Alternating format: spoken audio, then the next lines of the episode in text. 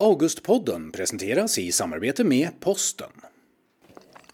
Det kan bli väldigt eh, långvarigt om vi bara... börja så här va, att... Eh... Det är bara att börja prata.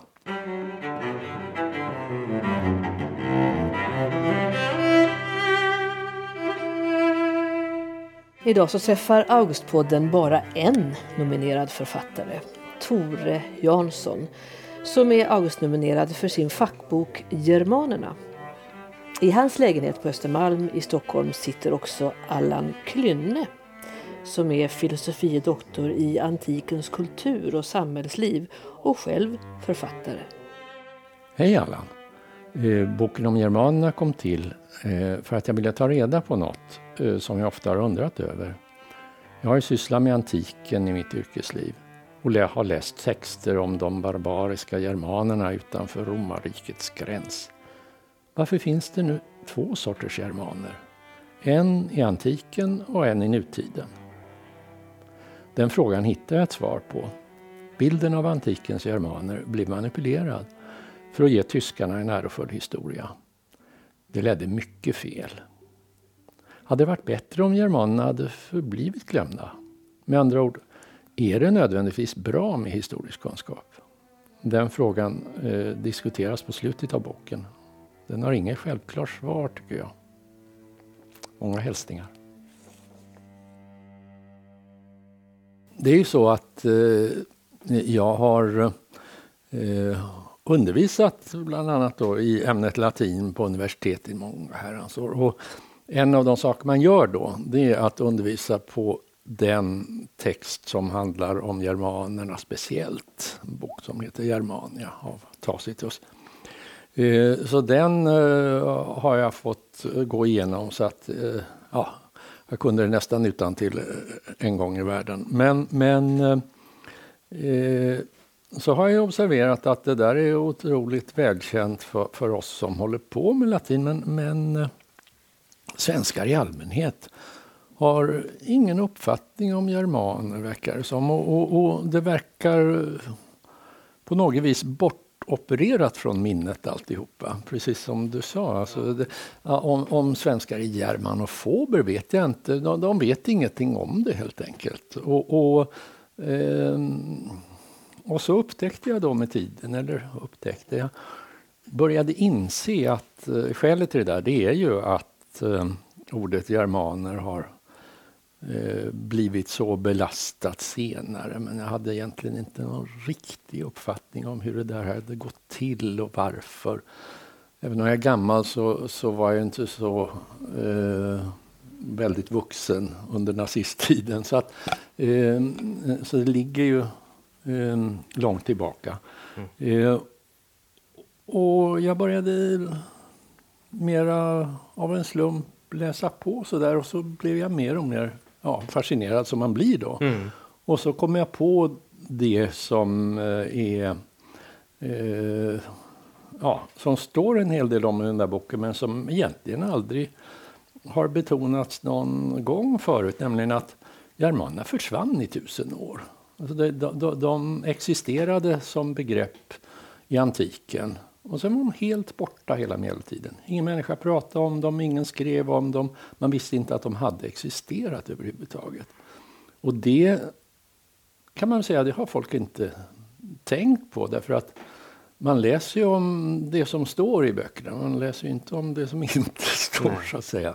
Så att, eh, så att det är väl, det är ingen total nyhet på ett sätt. Man kan indirekt läsa sig till det i, eh, i olika lunter av tyska historiker, fast de säger egentligen inte det. Utan man får lägga ihop två och två och sen får man själv läsa i de medeltida texterna och ja. täcka det. Alltså. Och, och, och, sen så kom de tillbaka? Sen dök och, de upp eh, i renässansen. Ja. ja. Det, och det, det är det här som är så märkligt. I, idag finns det ju inga stora folkgrupper som går runt och påstår sig vara kelter eller etrusker eller puner eller romare, ja, förutom de som bor i Rom då. Nej. Men det finns då de som går runt och pratar om, om germaner. Ja. Och allt beror egentligen på en enda bok kan man säga. Ja, av Just Tacitus. Den, just den här boken, eh, Tacitus Germania, som en liten skrift och, och, och Tacitus eh, misstänker jag tyckte väl inte att det var eh, något av hans märkligare verk. Tacitus var en romersk historiker som skrev ju stora tjocka lunter om Roms historia. Men så eh, en sommar så, så eh, snodde han ihop någonting om germanerna. Då. Eh, året 98 efter Kristus, mm. det vet vi. Eh, och hur han fick reda på saker om germanerna vet vi inte alls faktiskt. Eh, för det talar han inte om, men eh, han var en, en eh, eh ju, en, en, en högt uppsatt romare och de var ju också allihopa höga militärer. Han ha, hade eventuellt varit i de trakterna. I varje fall så kände han säkert en massa eh, andra officerare och liknande som hade varit där och kanske fick han tag på folk som själva hade varit, vet man inte. Så han skrev om folk långt borta. Själv satt han nere i Rom, säkert. Eh, och det han fick ihop det är i stort sett vad vi vet om de där germanerna. En liten bok, eh, 30 sidor är den ungefär. Ja, och den är ju full av, eh, vad ska vi säga, förenklingar och eh, fördomar om de här eh, märkliga folken uppe i norr. Och, och även slagkraftiga formuleringar om alla rödhåriga och fräkniga. Ja. Men sen så når den ju oss genom översättningar. Och jag tänkte just på det här märkliga då att han påstår att germanerna är oblandade med andra som har utnyttjats, missbrukats senare.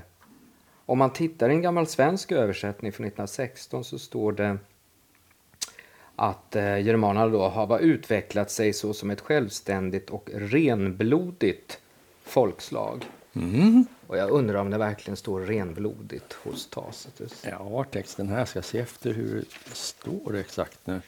Eh, det där var kapitel 4. Där, eh, just det. Eh, just det. Det står eh, ett folk eh, som eh, inte är uppblandat med giftermål av, med andra folks Eh, medlemmar och, mm. och, och, som är sitt eget och sin keram, står det, eh, sant eller något sånt där. Eh, och, och, bara likt sig själv. Ja. Så står det ungefär. Eh, blod står det ingenting om Nej. överhuvudtaget.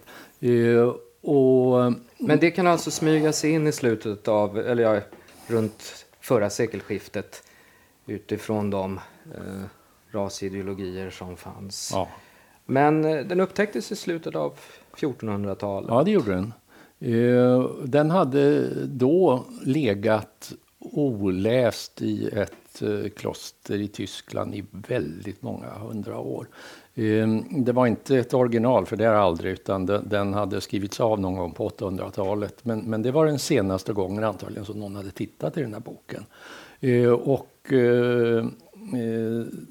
det, det, är en ren slump alltså att den råkade överleva i detta mm. enda exemplar. Det försvann sen för övrigt, men vi har avskrifter av det. Det hade väl inte varit så märkligt med en sån där bok normalt sett. Eh, det fanns ju en massa folk runt om eh, utanför romarnas rike och de skrev lite grann om dem. Eh, och, och Tacitus skrev lite grann om germanerna för det tyckte han var intressant. Då. Ehm, men, men man får ju tänka på, han var ju inte specialintresserad egentligen av germaner. Han var intresserad av romare förstås mest. Så att Tacitus Germania är egentligen en bok som eh, liksom återspeglar eh, hur, hur Tastos tycker att romarna kunde vara här och där. Eh, han idealiserar dem ibland och ibland så mm, förlöjligar han dem lite grann. Mm. men han visste ju inte så himla mycket om dem egentligen. Mm. Och så att i, på många ställen så tar han till eh, sådana här klichéer som han använde om nästan alla. Eh, folk som var långt borta. Eh, alla ser ut likadant, säger han till exempel. Allihop är rödhåriga och blåa ögon och stora och starka. Och det, Det är ju bra. men, men i, i 1500-talets Europa då när nationalstater som Frankrike, England, Sverige också för den delen börjar växa fram så är då Tyskland splittrat. Det är kejsare, det är ja. olika småfurstar och, och, biskopar och så vidare. Och, och det är därför det tar sån... Eh, alltså det är bensin på brasan då, en sorts tyskt enande. Här har vi plötsligt eh, en tysk eh, historia, ja. urhistoria. Ja visst, alltså Tacitus gjorde ju en enorm succé då. Eh, 1400 år efter det att han hade skrivit boken. Dessförinnan brydde sig ingen om den. Men, men, just i det ögonblicket var det precis rätt bok därför att eh, det fanns tyska nationalister eller protonationalister kan man väl säga vid den där tiden. Folk som tyckte att vi som talar tyska och har tysk kultur, vi borde på något sätt höra ihop även politiskt och, och, och vara klart skilda från de här fransmännen i väster och slaverna i öster och italienarna i, i söder och sådär. Vi ska bilda en grupp och, och, och, och eh, en riktig stat som innehåller oss. Eh, men ett av problemen var att det fanns liksom ingen, eh, ingen historisk tradition. Eh, det fanns ett gammalt kejsardöme, men om man tittade noga på kejsardömet, behöver man inte titta så noga på, så visade det sig att det var egentligen frankiskt. Det vill säga, det var egentligen samma historia som fransmännen hade. Det är väldigt svårt att eh, ha historia tillsammans med fransmännen om man skulle vara liksom mm. rival med dem. Men Taster Germania löste det problemet för att han talade om att det fanns ett folk här i antiken. Germanerna, de bodde precis i Tyskland eh, och de var helt skilda från de som bodde i Frankrike och de som bodde längre österut. Eh, och det visste man inte på 1400-talet. Det är sant, Dostus eh, ljuger inte på den punkten. Men, men på 1400-talet så trodde man faktiskt att folk som bodde i Tyskland hade flyttat in från olika håll. Så att de inte hade någon gemensam historia alls. Och därför var det här oerhört revolutionerande och glädjande då för de tyska nationalisterna. Uh, så germanerna blev omedelbart ad adopterade då som tyskarnas verkliga förfäder. Ja, plötsligt har man eh, ska säga, ammunition för att, för att liksom, eh, ändra på, på historien. Då. Ja, visst. Man... Och, och sen dessutom, några decennier senare, hittar man ett annat verk av Tacitus som kallas för Analerna, också med en renässansterm, årskrönikor. Och där berättas om den här avgörande händelsen år 9 efter Kristus. Just det, slaget vid, i Teutoburgerskogen Teutoburgerwald. Det, eh, namnet det låter ju väldigt tyst. Det står, namnet finns i Tacitus skrift och eh, skogen där i, mitt i Tyskland heter fortfarande, fortfarande en skog där, väldigt stor. Eh, och, eh, och där eh, besegrade alltså germanerna, eller en tillfällig allians av ett antal sådana här germanska grupper. De, de eh, eh, besegrade en romersk här som kom eh, tågande där genom ett eh, listigt eh, bakhåll och, och slog ihjäl massor av romare, flera legioner, så att det var många tusen människor som, som gick under. Och, eh, och, och, det var ju ett bevis på att dessa germaner var oerhört järva och tappra som till och med kunde slå en stor romersk armé. Och Tacitus skriver ju uttryck, uttryckligen att uh, Arminius, som han hette då, hövdingen, mm. var tvivelsutan Germaniens befriare. Ja. Och så hade man, allting började plötsligt med en urknall, en big bang år nio då. Här har ja, man... Precis så. Uh, och, och, och, och, och där framstår det ju som att germanerna var en enhet i antiken och de hade den eh, fantastiske ledare, hjälten Arminius som tyskarna döpte om till Hermann väldigt fort. Eh, och, och, och, mm, Hermann har sen eh, från 1500-talet och framåt så har han ju alltså setts som Tysklands nationalhjälte verkligen. Ganska okänd utanför Tyskland men där är han mycket, mycket stor och välkänd. Jag tycker du skildrar så förnämligt hur tyskarna blev germaner och tvärtom så att säga. Men en annan intressant sak det är ju själva termen germaner eh, som man tar för given. Men den dyker ju upp hos Julius Caesar. Och eh, du beskriver det som att eh, alltså, det är en latinsk term på detta folk, eller, eller Caesars ord, var han nu har fått det ifrån. Mm. En Så- del menar väl att det betyder spjutmännen eller någonting. Men du skriver att det är ungefär som när européerna gav samlingsbeteckningen indianer på Amerikas urinvånare. Ja. En sorts missförstånd. Ja, eh, i varje fall så, så stämmer det inte med, eh, med vad de som blev eh, kallade så tyckte. Därför att de där människorna som levde i Tyskland och södra Skandinavien, eller möjligen hela Skandinavien, de, de hade inget gemensamt namn för sig själva. De hade inte någon uppfattning om att de var en grupp. Sådär. Ehm, Eh, det, det verkar helt klart från, från de källor vi har, som i och för sig bara är romerska. Men, men, men eh, romarna, eh, som ju skrev en hel del om de här folken, de införde denna term, germani, står det hos Caesar redan från början. Han säger att de är germaner allihopa, de där som bor på andra sidan Ren i Tyskland. Och var han fick det ifrån vet fortfarande ingen. Själva ordet är helt Uh, av en helt okänd stam. Alltså det finns ett latinskt ord, visserligen germani, men det betyder helbröder, alltså i, i eh, motsats till halvbröder och sånt där. Det, kan inte vara det rimligtvis. Um, och, och det finns inget germanskt sånt ord. Alltså i germanska språk, vårt språk och andra, så finns det inget ord som låter så, utom inlånat från latin då, mycket senare.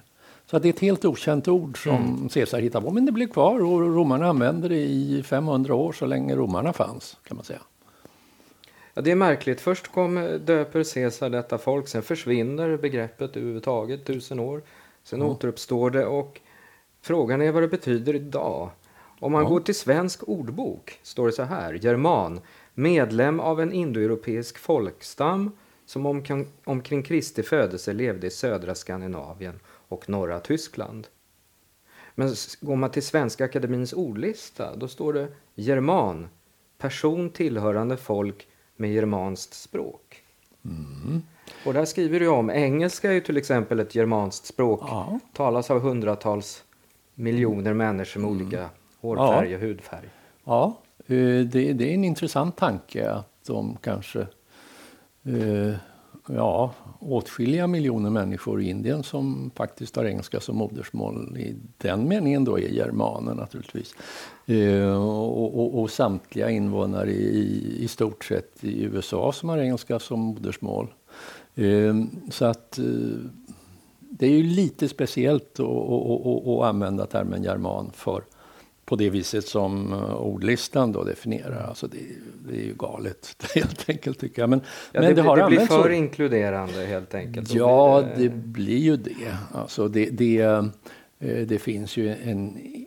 Ja, det, det, det, det- det omfattar ju en otrolig massa människor av väldigt, eh, med väldigt olika hemvist och olika kultur och allt möjligt. Ehm, Och samtidigt den här trängre beskrivningen med, med blonda och eh, blåögda känns ju historiskt sett lite obehaglig eh, idag eh, med tanke på det som har hänt under, under 1900-talet. Som du skriver Ja, om. alltså eh, det där är ju... Eh, det är lite svårt. Och det, det är mycket svårt med ordet eh, ända från renässansen och framåt egentligen. Av den anledningen att tyskarna blev så förtjusta i germanerna, de antika germanerna, att de började på något sätt anse sig själva som germaner. Det kom på allvar på 1800-talet egentligen med nationalismens uppblomning och så. Eh, och, och, och också med, med språkforskningen. Detta med att eh, germanerna talade ett gemensamt språk från vilket då tyska och engelska och, och, och svenska och norska och danska och nederländska med flera har kommit. Det hade man inte klart för sig förrän då, på 1800-talet. Man visste ju det, alla eh, kunde ju märka att eh, det finns många likheter mellan de här språken. Men det är inte självklart att de skulle ha kommit från ett språk. Den tankebanan är väldigt vanligt hos oss nu. Men det, det, kom man på först på 1800-talet. Att om språk är likartade, likadana, så beror det antagligen på att de har haft ett gemensamt ursprung. Det var ingenting som ju är logiskt självklart på något sätt. Fast det, historiskt sett är det i allmänhet på det viset och det visade man då. Eh, och det var ju tyska forskare som var ledande eh, början, mitten, ja ända till slut på 1800-talet utforskade man detta. Och då kom man ju fram till det att det var ju de här germanerna på Caesars tid och så och lite före som talade det urgermanska språket och det är nog helt riktigt. De talade på det viset och eh, det gav ju tyskarna då tanken att ja men då är vi ju alla germaner, så vi som talar tyska och även eh, de här andra som talar eh, nederländska och danska och så vidare. Det är egentligen bara dialekter så att vi är alla germaner. Mm. Och det är det som ordlistan här antyder. Just det. Men hela den här eh, evolutionistiska tanken i, i språkhistorien mm. smittar ju sen av sig då på, på andra tänkesätt och, och med, med raser och ja germanernas plats i historien. Eh, din bok har ju tre delar kan man säga. Eh, myten, historien, språken. Och samtidigt är det ju tre nivåer i, i ditt eh, berättande. Språkens utveckling, den historiska och arkeologiska spåren av germanerna och så slutligen den här sentida manipulationen av, av, av begreppet. Va, vad var det största svårigheten när du ska alltså, ge dig på detta ofantliga material? Ja, det... Spalta upp det. Ja, det gäller ju att kasta ut nästan allting. Så, så att säga. Det, det, det är ju en ganska... Eh en inte särskilt tjock bok då. Och, och eh, det, det, det, hade ju varit mycket lättare att skriva 800 sidor på ett sätt för att det är mycket att säga här. Men, mm. men eh, det, det, det, blir mera begripligt om man tar det eh, tar de, de, stora linjerna. Så att svårigheten har väl varit helt enkelt att, att hitta de klara linjerna. Sen, sen, när det gäller själva boken så, så börjar jag ju inte från början utan jag börjar från slutet så att säga med, mm. med den här moderna historien. Och, och, ja, det är väl kanske lite det att uh, jag var rädd att uh, om jag började och rota med germanerna och arkeologin och, och indoeuropeerna från början så skulle folk aldrig komma fram till det som var lite, som, lite mer intressant på slutet. Nej, jag förstår tanken. Uh jag tycker det är så sympatiskt när, när, när man läser din bok att eh, det här inom litteraturvetenskap brukar man tala om skillnaden på att berätta och att visa. Och att, att du, det finns ju böcker med närliggande tema på marknaden som, som texten är ju mer eller mindre som skyltar till museimontrar. Va? Men du, du lyckas ju göra detta angeläget oavsett om det handlar om nutid eller om för 2000 år sedan. Hur, hur, hur tänker du? Hur jobbar du med språket när du ska göra det intressant för läsaren? Ja, men om, om det verkar angeläget för dig så, så är det ju väldigt bra och det kan ju bero på att, att jag tycker det är angeläget. Jag tycker att det här är viktiga saker och, mm. och, och, och, det kanske märks i texten. Jag, jag är väldigt intresserad av det och, um, tycker väl att, att uh, sakerna är, är värda liksom att, att berätta. Jo. Nej, jag tänker på att du, du ligger nära läsaren. Du skriver så här till exempel. Vad germanerna kan ha sjungit om utöver sina hjältar, det är inte så lätt att veta. Och här finns det ju många som skulle ha skrivit Forskarna är oense i frågan huruvida andra typer av sånger mm. än hjältekväden kan ha framförts. Ja, ja du vet, den är lite mm. akademiska. Mm.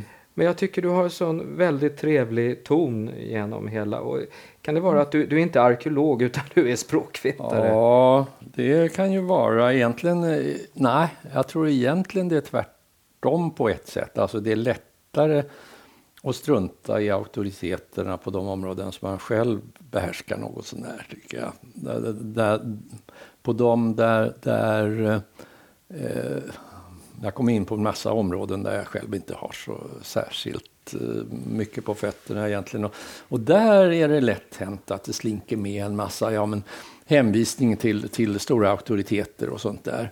Men det måste jag ändå framhålla, alltså de arkeologiska, nu talar jag Ja. om själv då klassiska arkeologiska, Ja. alltså de arkeologiska partierna är ju fria från så här hemska svängelska eh, termer och så. Jag tycker du har, Tack det är en väldigt bra framställning där också.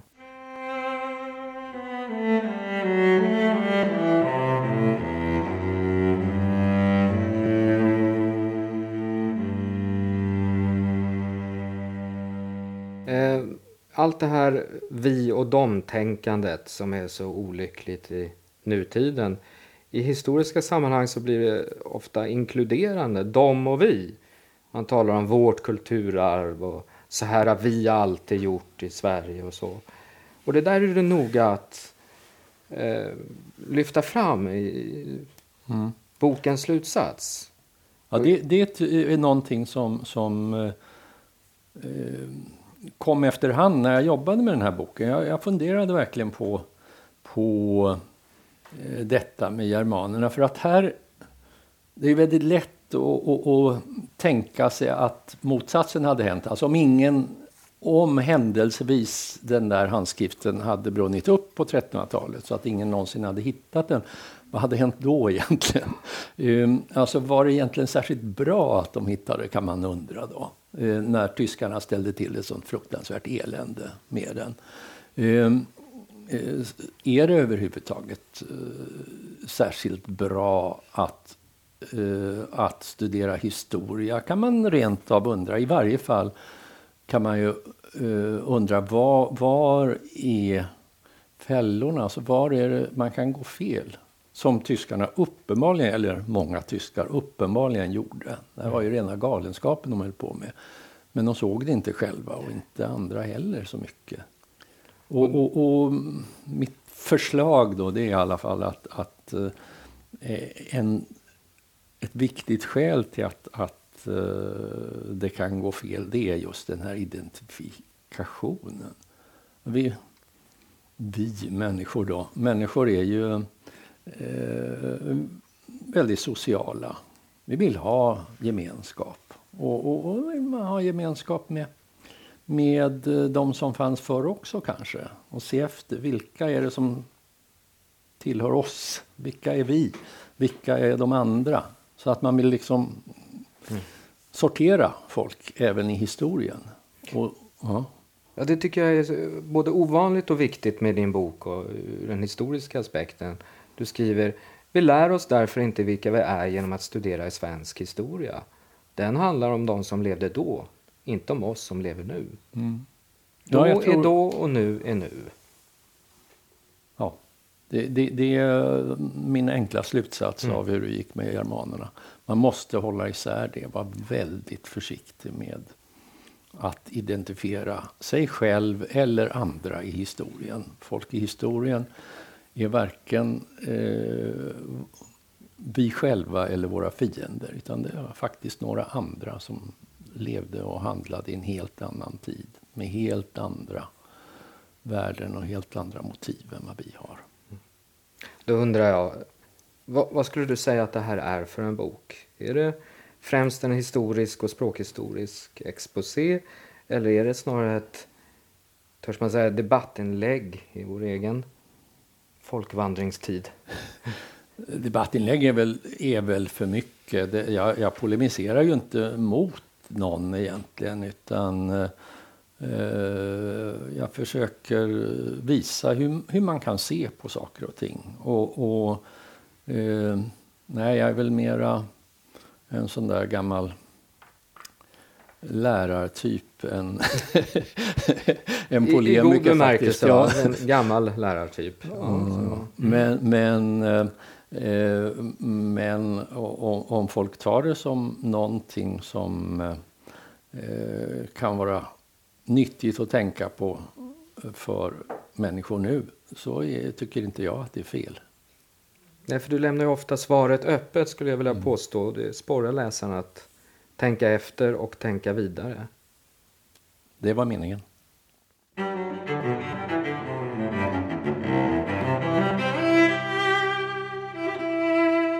Augustpodden produceras av Fascinera för Svenska Förläggareföreningen.